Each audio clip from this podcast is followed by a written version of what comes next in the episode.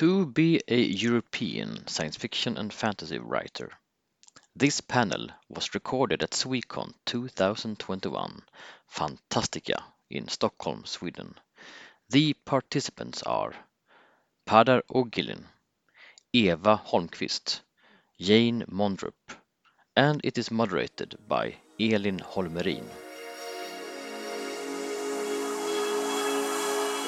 Svekon-poddar, en poddradio från svenska science fiction och fantasykongresser.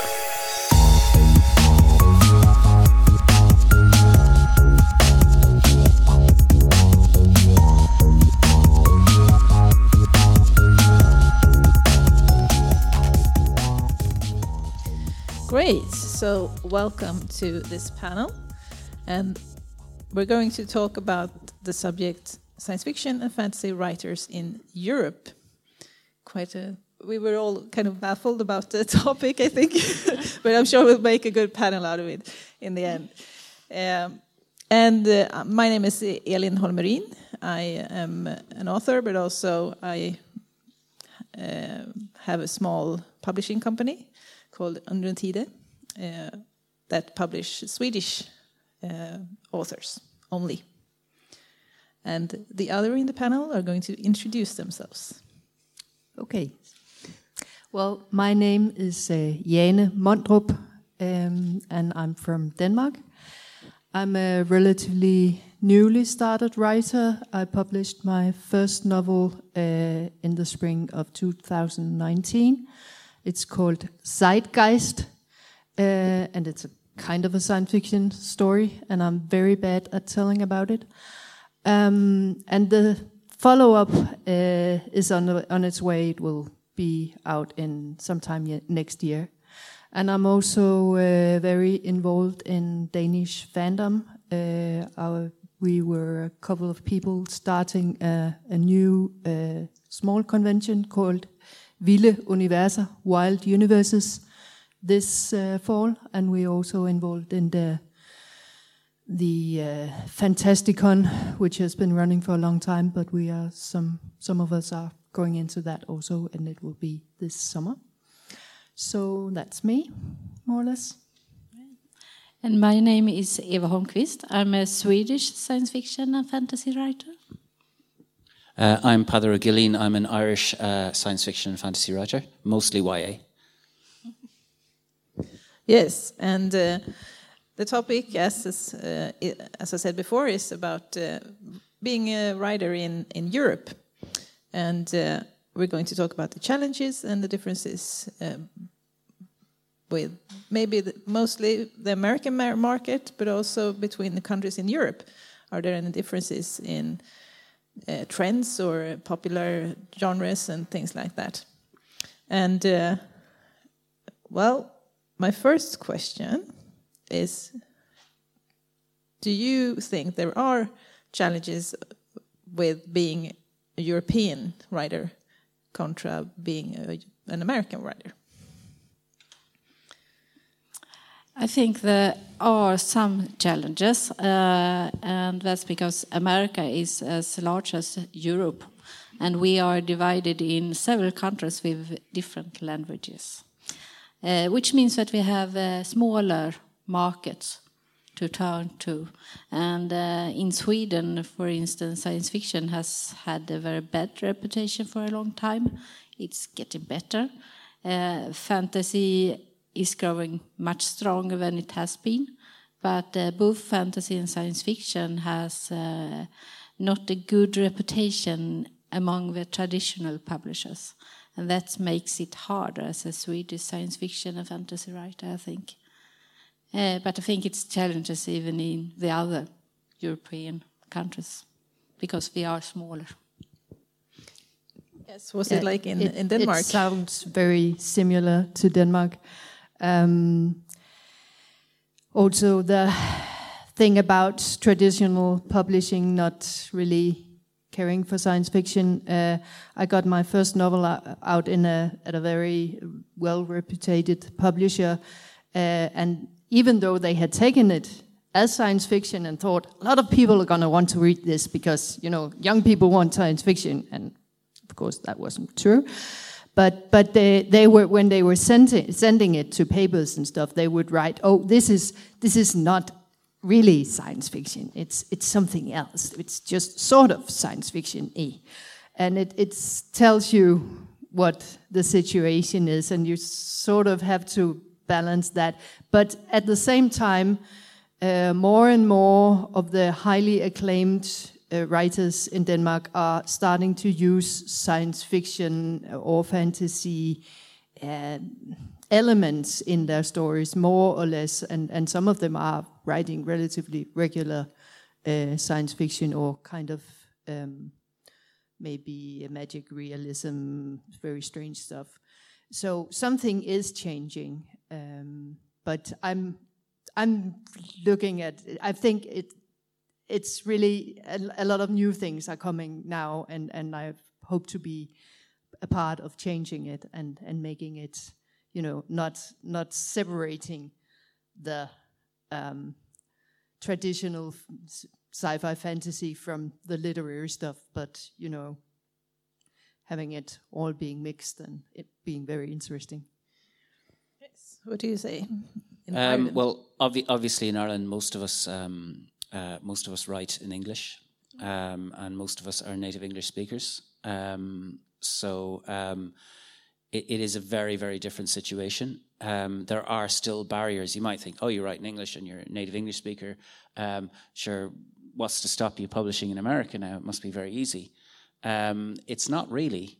It's not really. It's it's. Uh, I was I was saying in the in the previous panel that there is a there is a um, America has an idea of how things should be, um, and the whole world um, is is an American world really.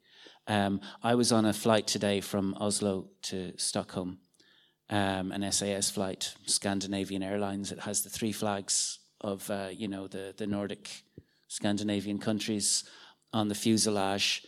Um, and I know for a fact that most native speakers of your languages can pretty much understand the basics of each other's. You know, it's not perfect. It's not perfect, and Danish is particularly nasty. apparently, apparently, no offense, no offense. I know.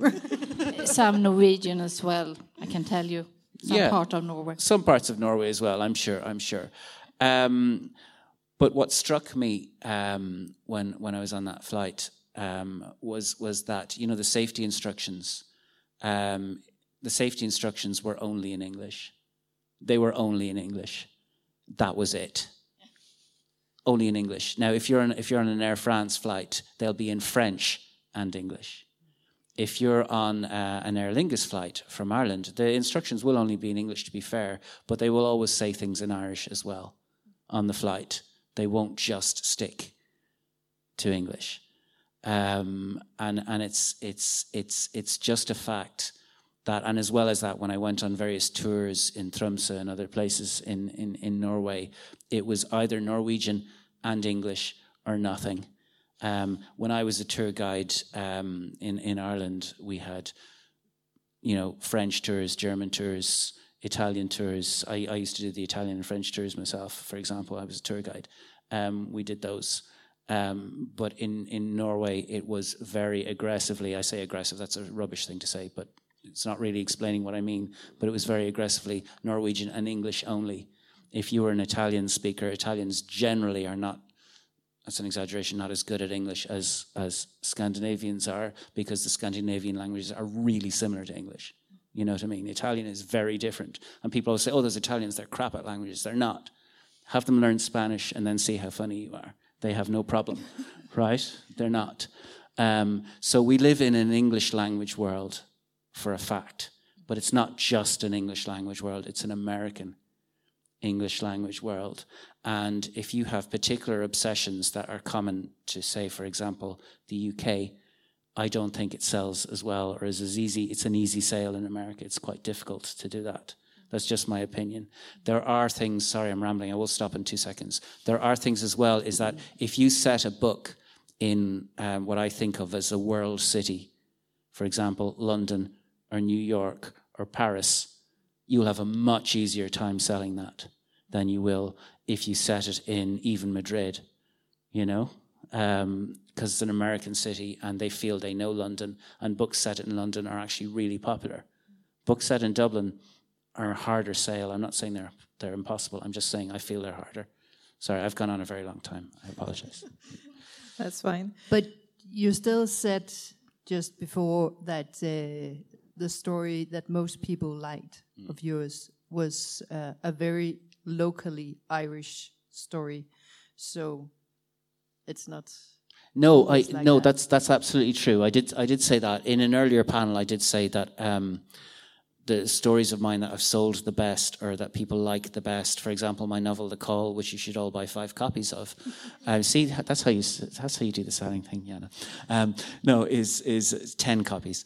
Um, that that is very very Irish in its setting, um, but there is nothing in there that someone who is not Irish will struggle with because, you know, I mean, for example, in Ireland we have very particular words that our, our local dialect of, of English will have.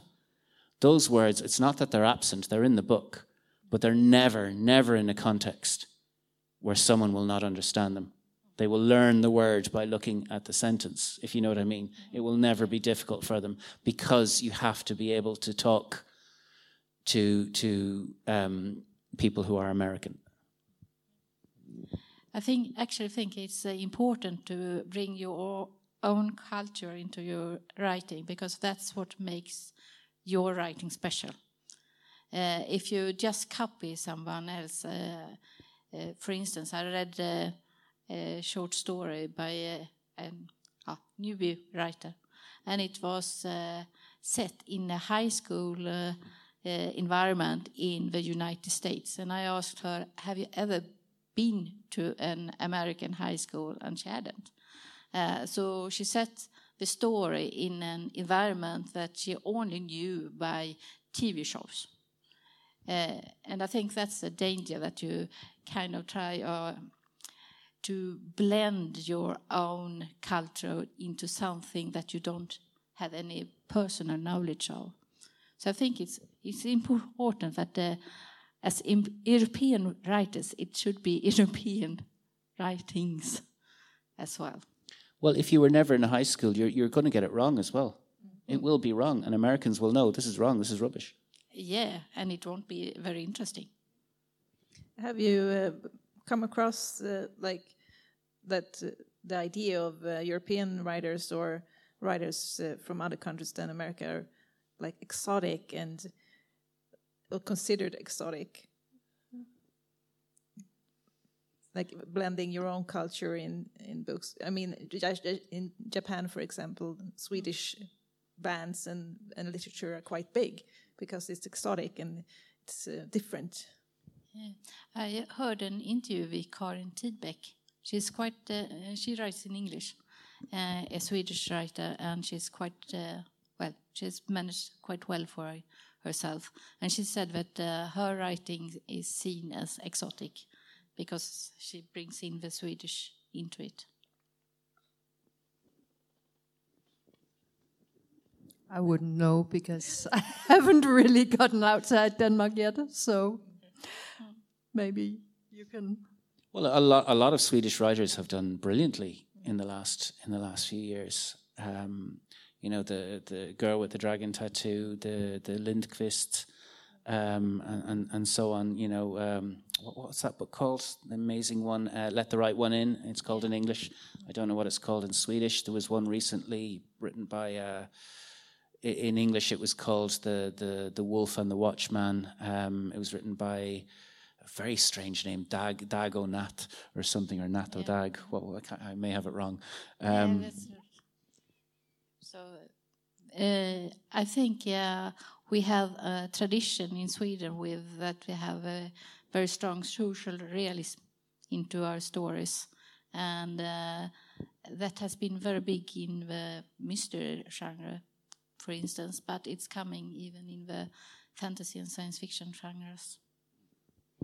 Do you think it differs if you talk about like trends or the specific genres?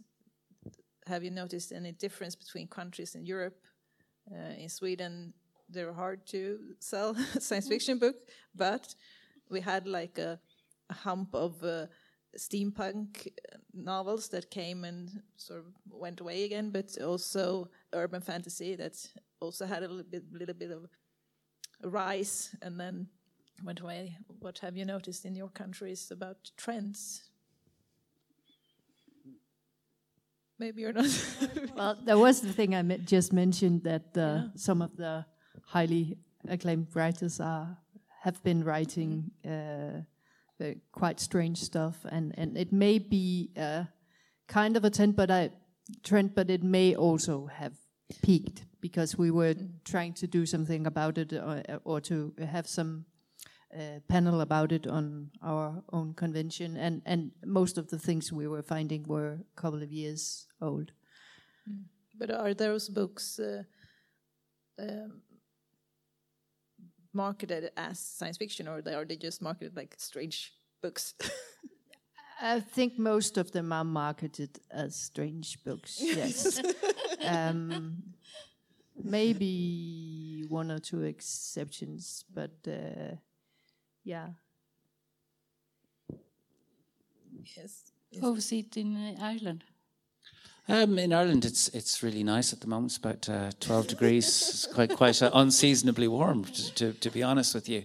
Um, in in terms of the type of, of books that do very well, I mean, we we have um, uh, a thriving culture of small publishers. Um, we have um, lots of Irish people, lots of Irish writers, I should say, do very well in the United Kingdom.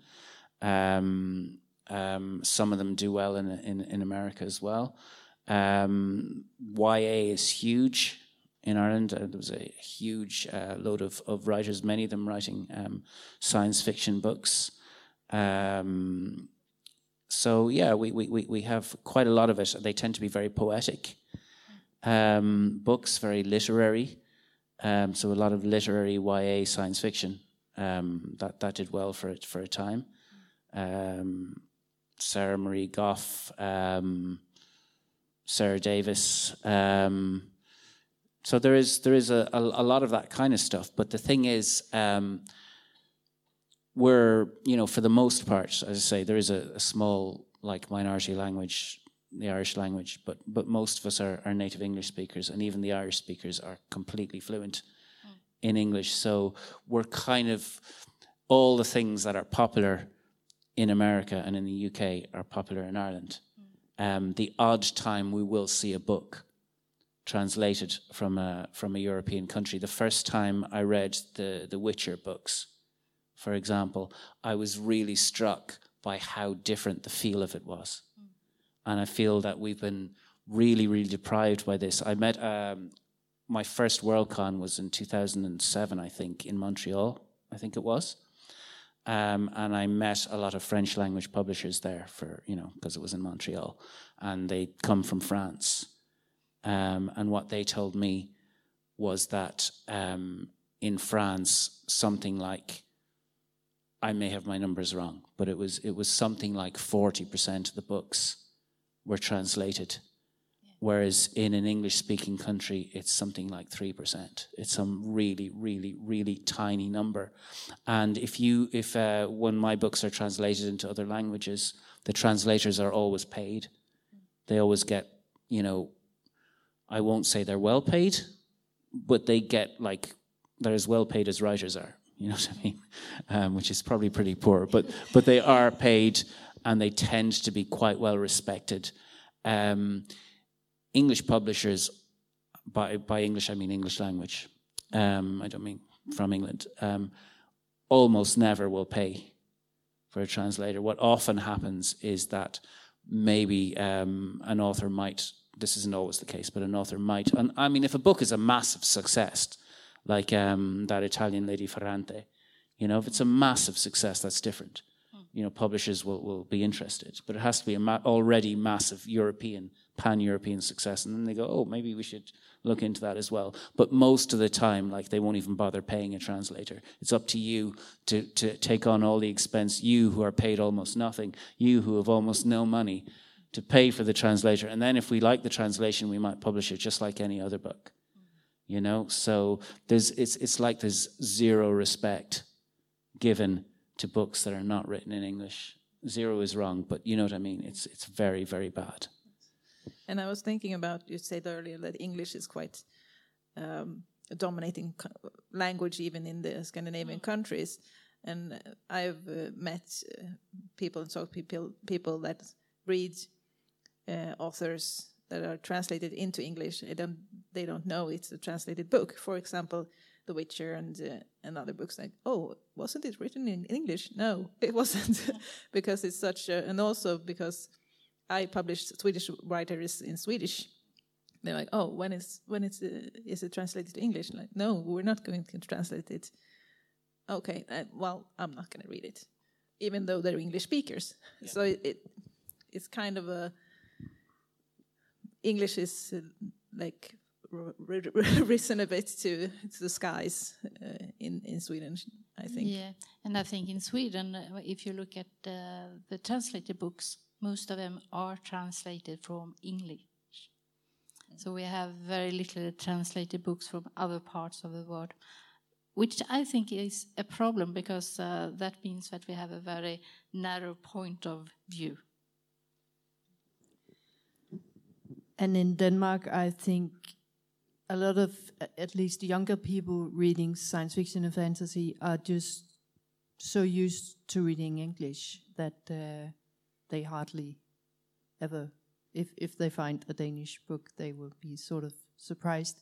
Um, and I went into, uh, uh, uh it's, it's actually a comic shop in Denmark, uh, and it, uh, but it, they also have some some novels, and I asked them, I, was talking to them some, about something else, but then I asked, well, how about, would it be possible to have my book sold here? And, and they said, well, in principle, maybe, but, but the thing is, we only have English or American books, and it would look kind of strange if we had a Danish one. Uh, but maybe if you can get together with a lot of other writers and you can, you know, give it a, give us a package, we, we, we would consider it. But it was a shop in Denmark, and, and they were just saying that not not talking about what kind of book or anything. It's just, oh, it's a Danish book. Well, we really don't sell them.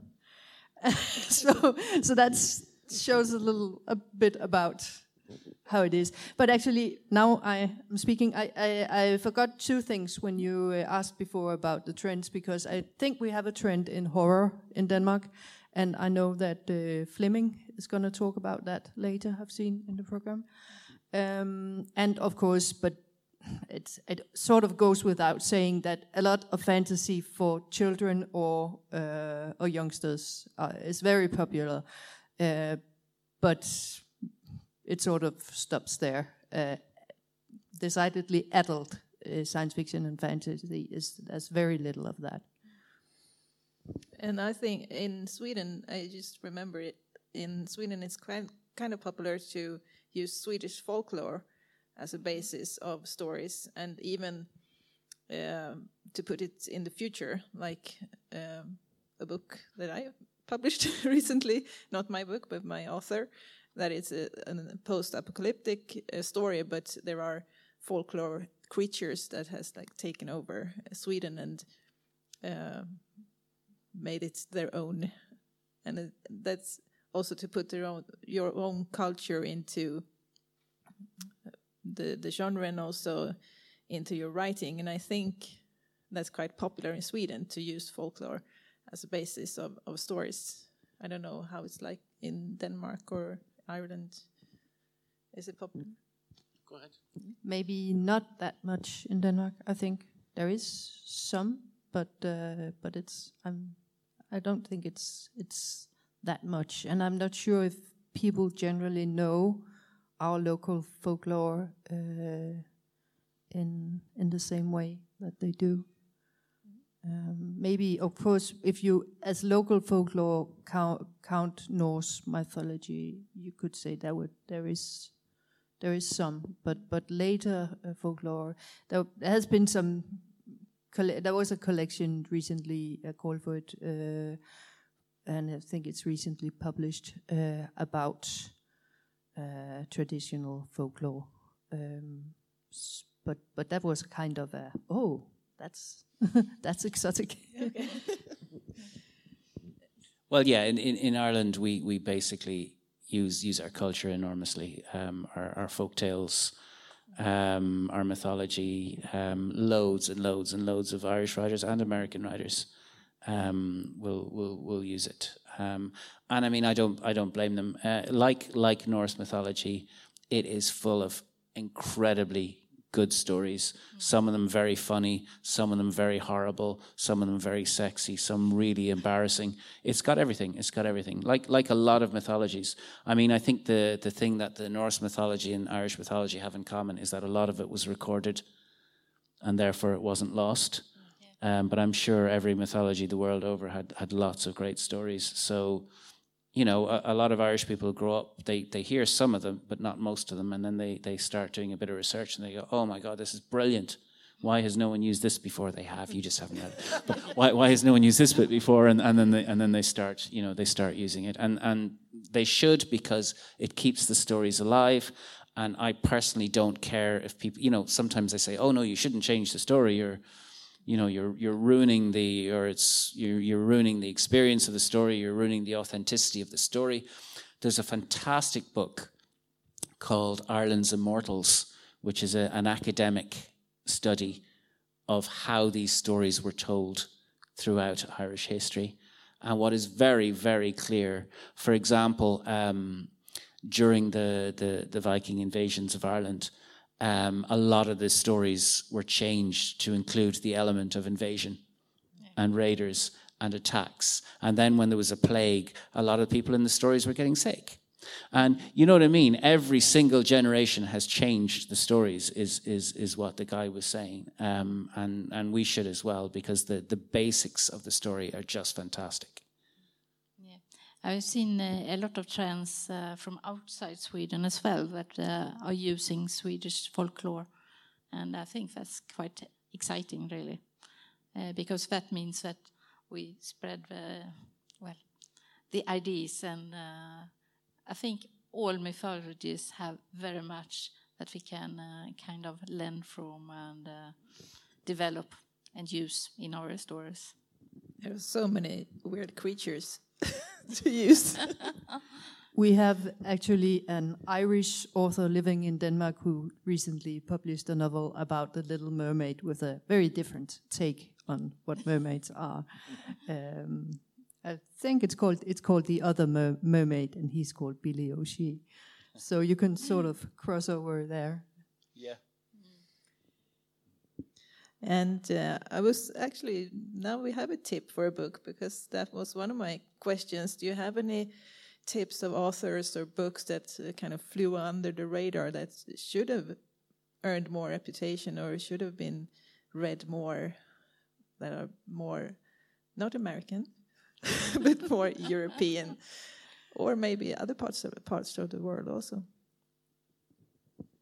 Oh, I wished I had some time to think about this. I know I, I love. I can I can bring up some examples of from you know childhood stuff. Uh, for example, for example, the Finnish. I think she's uh, Finnish Swedish writer Irmelin Sandman Lilius. Uh, you know her? No. Oh dear, I thought I would. I'm in Sweden. Everybody would know her. Then you have to find her. Uh, she is, I think she's written a lot of stuff, but uh, the things I love um, are about uh, a, a, little town called Tulavall, and it's uh, set in the something which must be maybe late 19th century or something. It's magic realism with a lot of. Um, I think local mythology stuff and, and also harshly social realist realistic, uh, and it's just fantastic. Um, that I really strongly recommend that. It's in principle, it's children's book uh, books. I've read them as a child, or have them read to me. I've read them to my daughter, and and uh, and from a certain age, that that worked. I think she was eight or, or something. Um, but you can also easily read them as an adult without having a child as an excuse. Uh, they're really, really good. Uh, I think it's hard to uh, name only one, but I uh, want to name uh, Siri Pettersson's uh, trilogy. I don't remember what the first one is called. Röta, something like that. Odensbarn. Yeah. Uh, I think that's uh, marvelous. She is a Norwegian writer, and uh, it has been very big in Sweden, but I don't think it has uh, made much progress outside of Scandinavia. No, I, I certainly haven't heard of Odinsbarn, um, but uh, it does sound it does sound lovely. It sounds great. Um, I would recommend. Um, Ireland is a very small place, and I know all these writers personally. Um, so, um, so sorry about that. Um, and and there's so many I'm not go- I'm not going to name because I just can't name them all. But um, a book that flew under the radar, which was great, was a book called Ancestral Devices by Oisin McGann. there's a writer called Celine Kiernan um, and she has lots of books which are heavily influenced by Irish mythology, and they're fantastic books. And somehow they're still a bit under the radar. Um, Into the Grey is one of her books that's great. Um, highly recommended. The late Pat O'Shea, um, she wrote an amazing book, but for children called The Hounds of the Morrigan, which is wonderful. Um, shouldn't really mention New Zealand writer, but they have the same kind of European issues. Um, Margo Lanagan seems to fly under the radar, and she bases a lot of her stuff on European mythology. Um, anyway, there's loads. There's always lots, but um, I would I would highly recommend um, any of Margo Lanagan's books, um, but specifically um, Tender Morsels, which is really painful book to read but absolutely brilliant. Sounds like really great things to dive into, I think. Um, yeah, you talked about in early earlier that the American market uh, has uh, like a fixed idea of what uh, should be science fiction or fantasy. What are those ideas more specifically? Well, I, I don't know if I really meant that. Okay. Um, if they have a fixed idea, I mean, a, a America is a huge and vast and varied place, and it has a lot of brilliant publishers. Some very small publishers as well who've similar issues, you know, to to what we would have in Europe. They don't have the language issue, but they but they do have a lot of issues of their own. Um, and they, and they do struggle with the with the kind of the the standard, I'm going to call it the standard culture that's out there. I mean, America has a lot of subcultures as well, you know, um, and a lot and a lot of absolutely brilliant people. Um, I can't even remember what the question was. Uh, oh yeah, do they have a fixed idea of of of what of what fantasy is? Um, I don't think they have a fixed idea of of what fantasy is. But the thing about it is, is that a lot of reading these days. I don't know if you remember it from, from when you were younger, but when I was younger, certainly, um, you'd buy a big fat fantasy book, and the first hundred pages was a tax that you paid. You just have to read 100 pages. There's going to be a, a lot of kind of world building and explanation of why the elves hate toenails and, you know, why the dwarves um, eat each other's beards. You're just going to have to go through all of this. Don't worry about it. Get through the first 100 pages, maybe 200 pages for some of the really big ones. And then I promise you, I swear to you, this is going to get good. And it was fine because there was nothing on television in Ireland. We had two TV channels, you know, and there wasn't a whole, there wasn't an internet or a whole lot of competition. And there was only a tiny bookshop in the town I grew up in. And if you got a book there, you better finish it because I'm telling you, you're not going to get another one. So that was, that was the way it was. Um, and now it's like literally, if I if I sell a book to a publisher, it better be good within three pages and that's only because they know me. If they don't know me, if they've never heard of me, it better be good on the first page. You know, it better be really, really good on that very first page, preferably the first paragraph, preferably the first sentence. And it's going to be the first word in a few years' time. Like that's the way it's going because people get bored and they stop. I do that. I stop reading a book now within probably 20 pages if I feel, no, this, is, this isn't going anywhere. I'm not interested. Right? Um, And when you have a situation like that, when you have what, what we call lazy readers, and I'm not criticizing anyone, I'm a lazy reader. Uh, when someone is lazy, what is it that they want? They want it to be easy.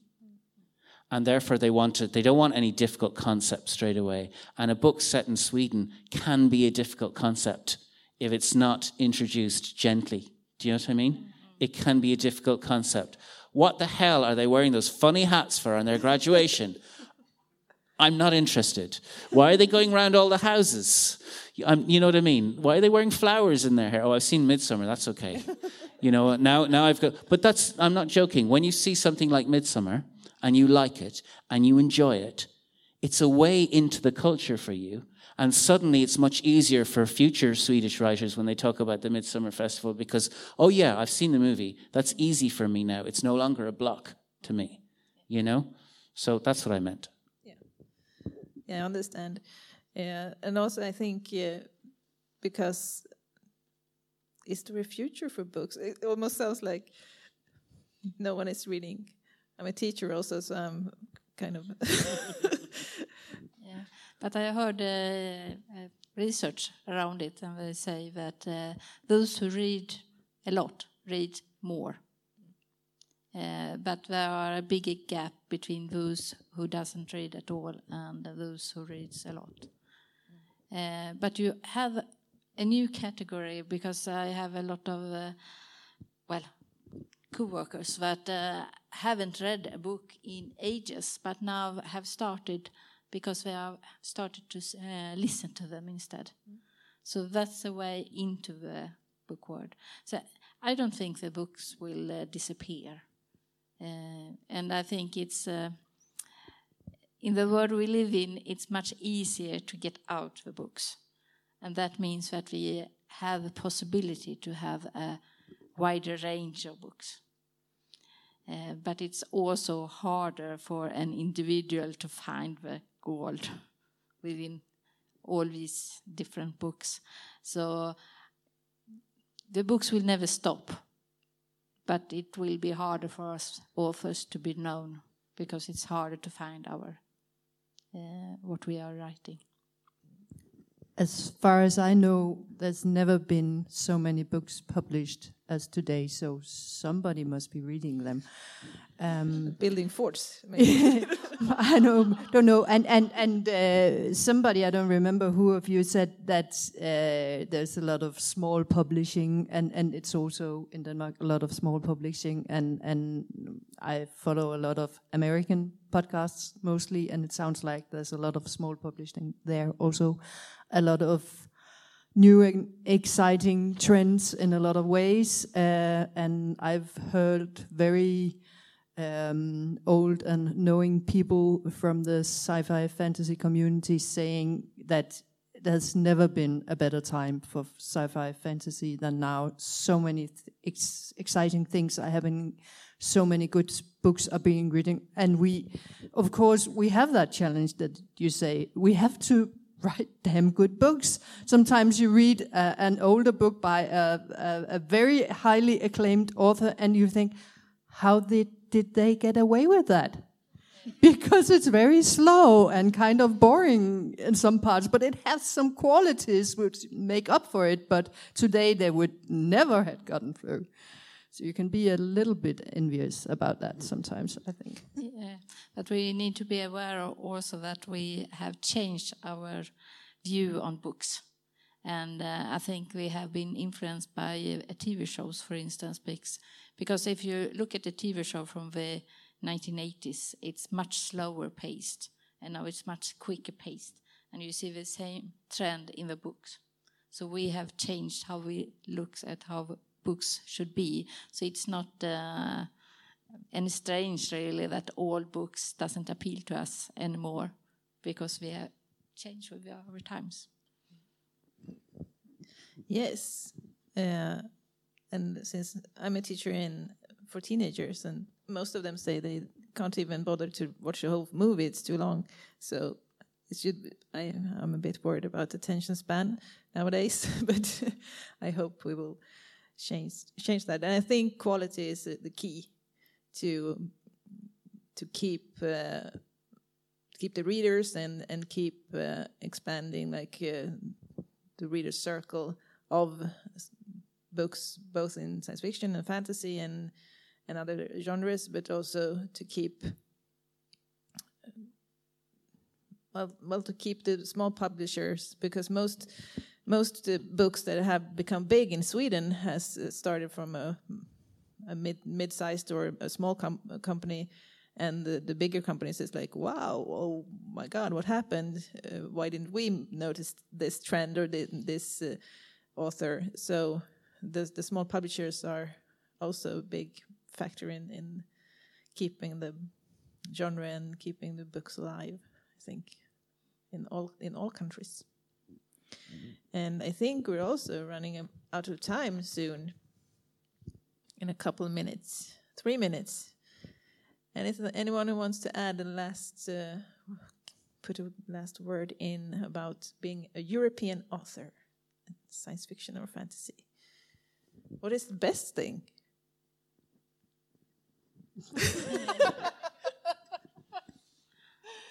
the best thing of being a European author?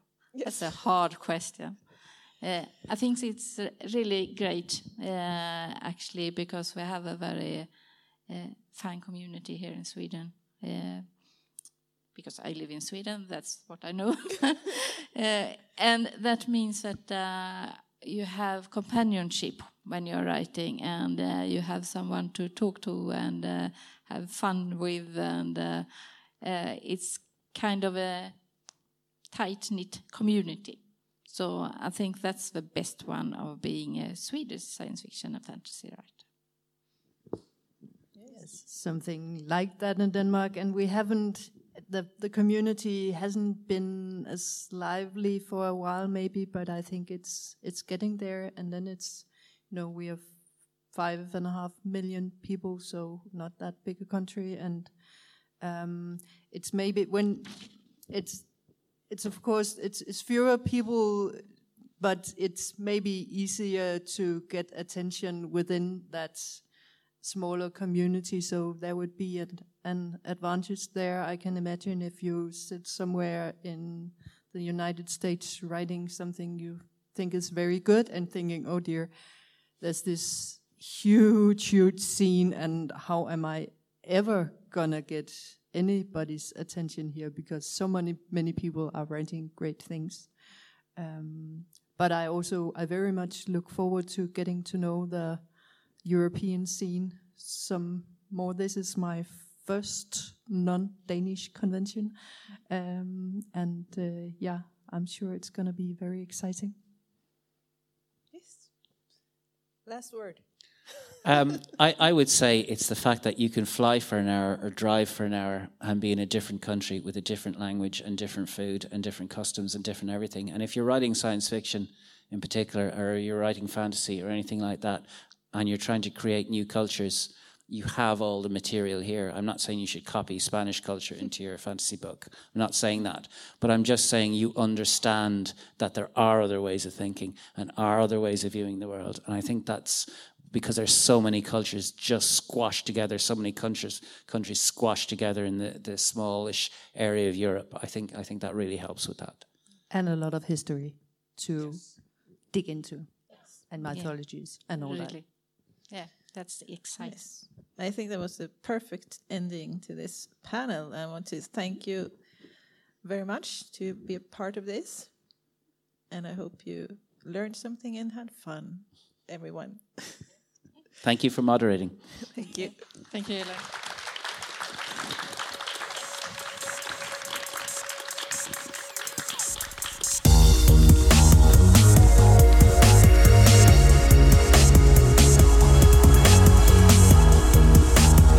Musiken av Psychedelic Pedestrian från Free Music Archive.